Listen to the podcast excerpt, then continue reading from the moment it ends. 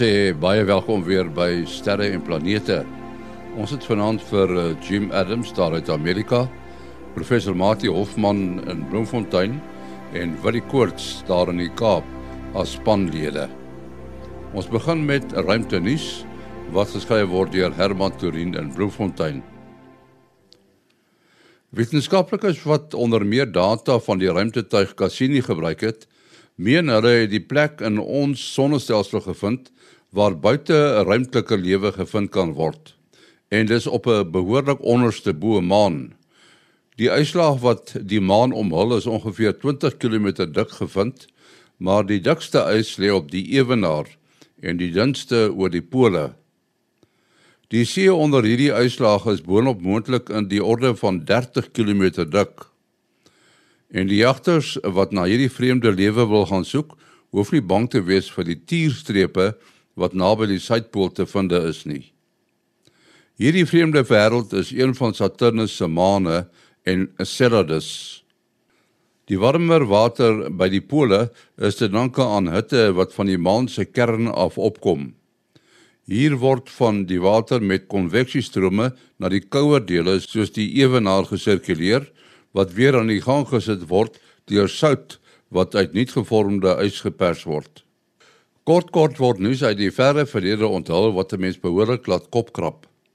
'n Nuwe wetenskaplike artikel wat pas in die wetenskaplike joernaal Latin American Antiquity verskyn het, onthul byvoorbeeld dat die oudste stad in Suid-Amerika en verskeie antieke geboue in Egipte lineêr presies ooreenstem. Aan beide kante van die Atlantiese Oseaan het van die geboue piramides ingesluit. Die stad Caral is 5000 jaar gelede opgerig toe die befaamde Egiptiese piramides nog maar aan hulle kinderkonstruksieskoene gestaan het. Die piramides in Peru was egter nog 'n baie nuwe konsep en hoewel hulle nes die in Egipte volgens allerlei forme uit die ruimte ontwerp was, was sommige se forme langwerpig en het die verste punte dikwels by berge in die omgewing aangesluit. Geboue in Karoo was volgens die loop van die Soepeye rivier gerig. Presies soos in Egipte waar die geboue volgens die Nyl gerig was. Tot sover ruimte nuus wat geskryf is deur Herman Turin in Bloemfontein.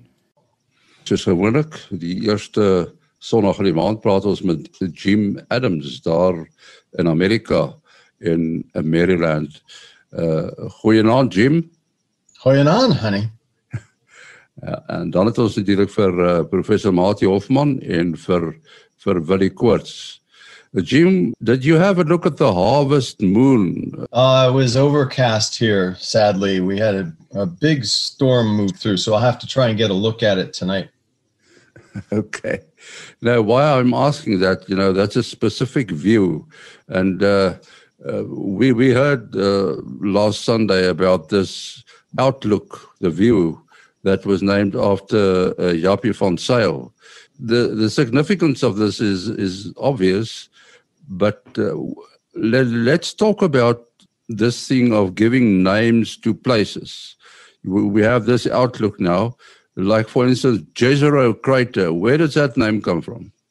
Well, they're usually suggested by the team, and they're informal names. Official names have to be recognized by the um, goodness. It's the group that that uh, demoted Pluto. I'm forgetting the name of it. The International Astronomical Union or something like that. That's right. Yeah, yeah, yeah. yeah. Thanks, Willie. That, and that takes a long time. But obviously, in order to move around on Mars, they need landmarks, and it's easier to refer to them by a name rather than by some numerical designation that they make up. So, uh, so the team that's doing the exploration uh, offers these names, and there's a process it goes through, especially if it's honoring somebody like Yapi. So, um, uh, ultimately, if it's a, if it's a name of somebody who's um, uh, post, if they're naming it posthumously, meaning somebody who's passed away, it goes all the way up to the administrator of NASA, who then uh, approves it or doesn't. And usually they approve it. Lots of times it's uh, famous people like Hubble, Edwin Hubble for the Hubble Space Telescope, and that sort of thing. Now, let's talk about the other subject for, for this evening, and that's uh, the so called space spin offs. Yeah. Now, for those at home that don't doesn't know what a space spin off is, could you just explain what it means? Yeah, I think I'll start with a, just a tad little introduction, and and that is, you know, a mission like Perseverance and Ingenuity, when you total it all up, uh, everything that's going to be spent and has been spent on on the hardware and the design and the rocket and everything, it's close to three billion with a B dollars. That's an enormous amount of money. And you know, as I speak to people around the world I often get the question, well, you know, what good is all of that doing us on Mars? Why can't we use that here on Earth? And I, I usually have a couple of um, good answers. And, and one is, you know, all of the money that's spent on missions like that stays on Earth and it drives an economy that pays taxes and buys things and and keeps people employed and you know um, uh, educates people and that sort of thing. So it, it drives this economy. In fact, the space economy globally in 2019 was estimated at 423 billion with a B dollars. Yeah. So, um, so we're spending this money and stimulating stimulating an economy right here on Earth, even though the targets of our exploration are somewhere else, like in this case, Mars. The other aspect to this, though, is something called, as you mentioned, Henny, a, a spin-off. And a spin-off is a thing that um, is a solution for a particular problem that somebody takes and reapplies it to some other problem. And so you can imagine as we go through trying to build a mission to Mars or to send humans to the moon or whatever, we encounter problems, road bumps or speed bumps. And as we get over those speed bumps, we've got solutions to problems like how to make a camera really tiny and small. And then somebody picks that up and they say, hey, you know, I could use this in a cell phone. And suddenly you got space technology in just nearly every cell phone in the world right? So, um, so that's called a spinoff. And every January, NASA publishes a magazine that your readers or your viewers, your listeners, could go and uh, download. It's and you just go to spinoff.nasa.gov, and it lists um, 50 or 60 of these things. Over the years, there's been close to 2,000 identified of things that we've done for space that have been reapplied to Earth. And some of them are kind of interesting, you know, like the fabric on the exterior of an Apollo spacesuit that was developed to under, uh, withstand the rigors of lunar activity, hot and cold and dust and that sort of thing, is now used in coverings over stadiums. And in fact, I think there's one in um, uh, it might be Durban uh, that has uh, has that fabric stretched over top of it uh, as a sunshade that was developed for the Apollo program. So that's one, and sometimes these things have um, real benefit to humanity. So the magazine came out this past January, and I was going through it, and I just thought I'd convey my top three because there's, like I said, there's 50 or 60.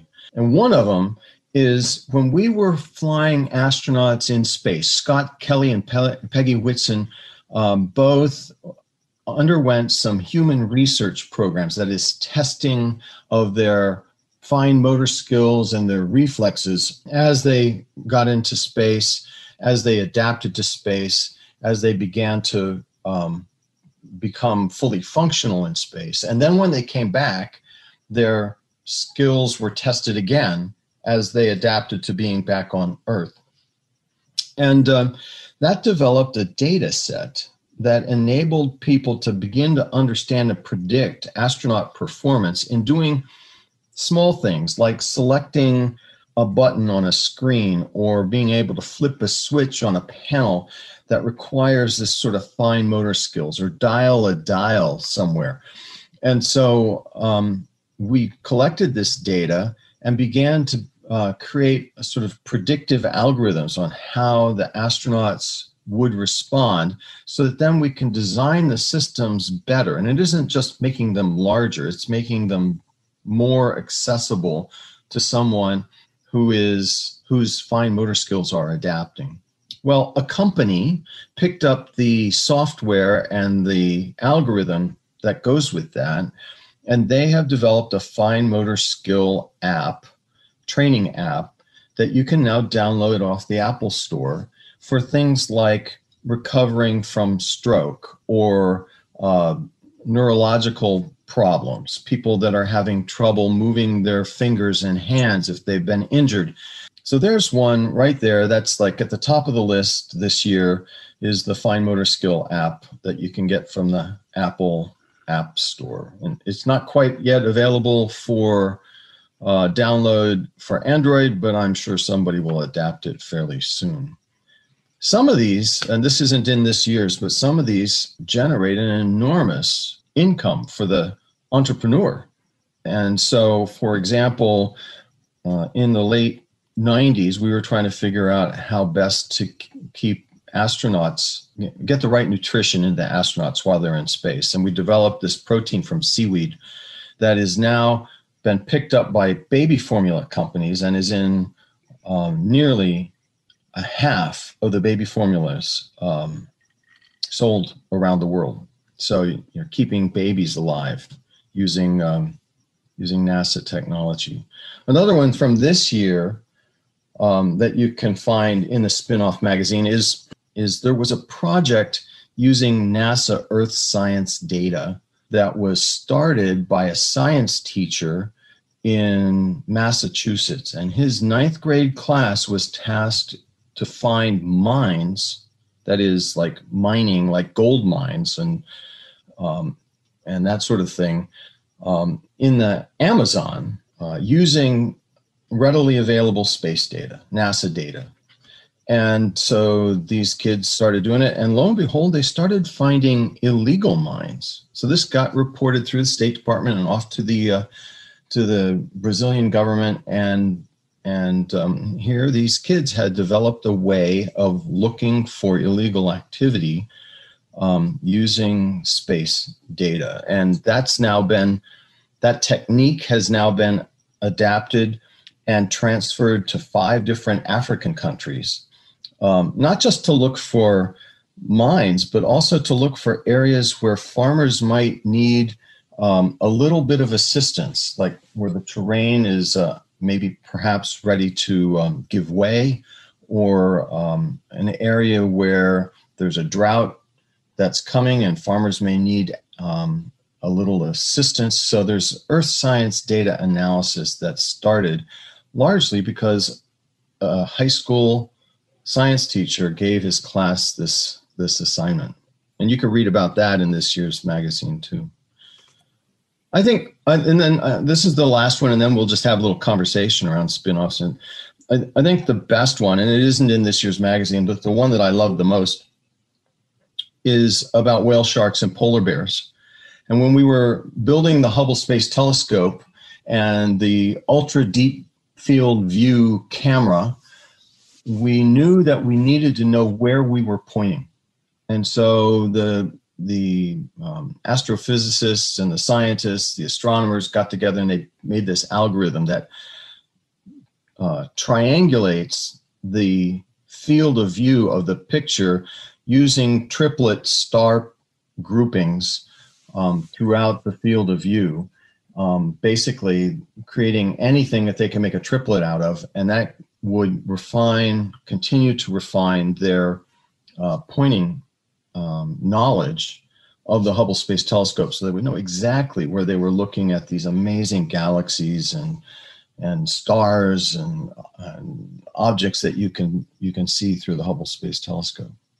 Well, it turns out that an astrophysicist and an oceanographer were having coffee several years back, um, and um, they were swapping stories, and and one said, you know, we've got this problem with tagging whale sharks, and so they started talking about it, and the algorithm that points the Hubble Space Telescope was nearly a perfect fit for matching the spots on whale sharks. So now a person can just take a picture of the whale shark, a diver, an amateur diver, and send it to this database in Australia, and they will match the star field on the whale shark to the knowledge base that they have, and they'll know whether they've got a new animal or whether they've got one that they've seen before, and they'll be able to have tracked it and where it's been and that sort of thing. Um, really, quite an amazing feature. And recently, they're starting to apply the same thing to the to polar bears, and it's it's the little black spots where the whiskers come out on the polar bear's nose that are like fingerprints um, to the polar bear. So you triangulate on those and you can identify the animal without actually having to get near it or tag it. So those are some amazing things. And like I say, there are thousands of them um, from space exploration that that you think of, you might not think of in the world around you as we're uh, as we're continuing to explore space. And what I look forward to is when we lay ingenuity on the surface of Mars and Perseverance backs away to Van Zyl overlook that um, uh, ingenuity will take off and it'll start a whole new um, technology um, range of technologies for drones and drone flight um, and a whole new set of interest in that even though the market's hot right now the technology will just get that much better because of the problems they've had to solve in order to make ingenuity fly which i think we talked about in a previous episode Jim, I wanted to ask you the the technology as such is it public domain or do you have do you have copyright? Yeah, so so NASA um, is funded by the U.S. citizens, and so as such, by law, any technology that NASA develops is owned by um, the United States, the people of the United States, and so NASA makes most of these technologies available without charge or with a minimal charge. And there's some things that they do like they'll they'll give out licenses just to make sure that the technology is being used properly or that the NASA name isn't being misused.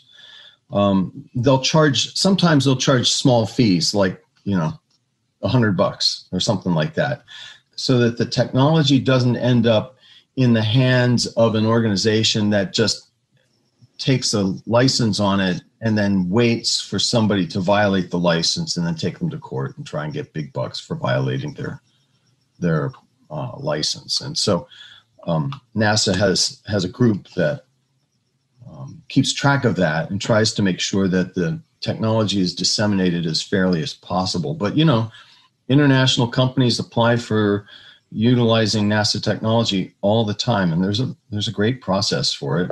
Uh, people have the opportunity to do that nearly without charge. If I can, perhaps your your story about the polar bear and and shark recognition reminds me uh, in in astronomy. Okay, it's sort of the same field, I guess, but we've already we've also managed to to uh, use some spin-offs. So you I don't think the, the, the, actual star tracker, I think it's made by a private company, but there's a there's a gadget which you could put on a on a satellite and and and you you uh, you it just looks at stars and it figures out where it's pointing. When we build SALT now, SALT has got a quite a complicated way of pointing. It's not like a conventional tube that you point at the sky. Uh, you, you you probably know more, but it's not uh, it's not the place to explain that all. But basically, what we used in the beginning to, in order to know where SALT's pointing to start getting all this stuff together. Uh, they physically just mounted the star tracker at the top end of SALT, and yeah. uh, then we knew where the telescope was pointing. So that was quite convenient. Yeah, no, I, I hadn't actually heard that, Billy. That's that's pretty cool. Yeah, we use star trackers all the time uh-huh. on board our spacecraft, and there's some pretty amazing ones. You basically can just turn them on and it'll tell you where in the sky you're looking. Yeah. So that yeah. that would be an awesome use of um, of uh, space technology, wouldn't it? Yeah, yeah. Can I can I ask you a, a, a, a few uh, uh, just just two uh, uh questions quickly? Uh, which of these are are um, space spin-off? Memory foam, memory foam, or Velcro? Ah. well, um, should we ask the other? I know the answer to this. Should should we ask the others? And then, and then, and another one: space blankets or Teflon.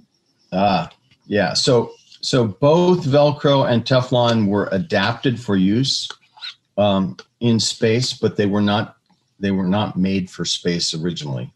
Uh-huh. Memory foam. Wikipedia as well. Yeah.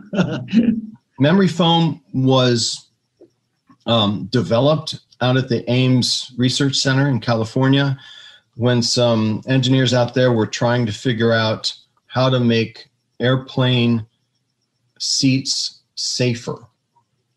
And that was that was some time ago, uh, 60s or so, I believe.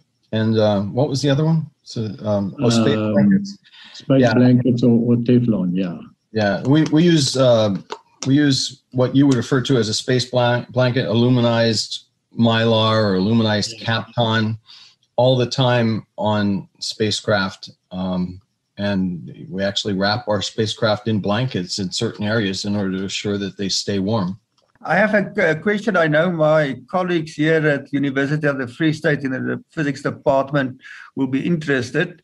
Um, in all those space missions, you have to get all that stuff in space. You have to launch it. Uh, so the weight should be as small as possible.